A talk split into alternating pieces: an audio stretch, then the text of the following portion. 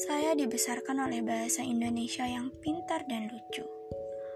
Walau kadang rumit dan membingungkan, ia mengajari saya cara mengarang ilmu, sehingga saya tahu bahwa sumber segala kisah adalah kasih, bahwa ingin berawal dari angan, bahwa ibu tak pernah kehilangan iba, bahwa segala yang baik akan berbiak, bahwa orang ramah tidak mudah marah, bahwa untuk menjadi gagah, kau harus menjadi kiki. Bahwa seorang bintang harus tahan banting. Bahwa orang lebih takut kepada hantu ketimbang kepada Tuhan. Bahwa pemurung tidak pernah merasa gembira, sedangkan pemulung tidak pernah merasa gembira.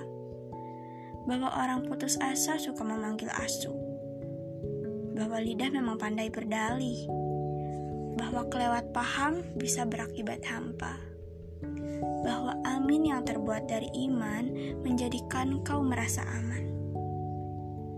Bahasa Indonesiaku yang gundah membawaku ke sebuah paragraf yang merindukan bau tubuhmu.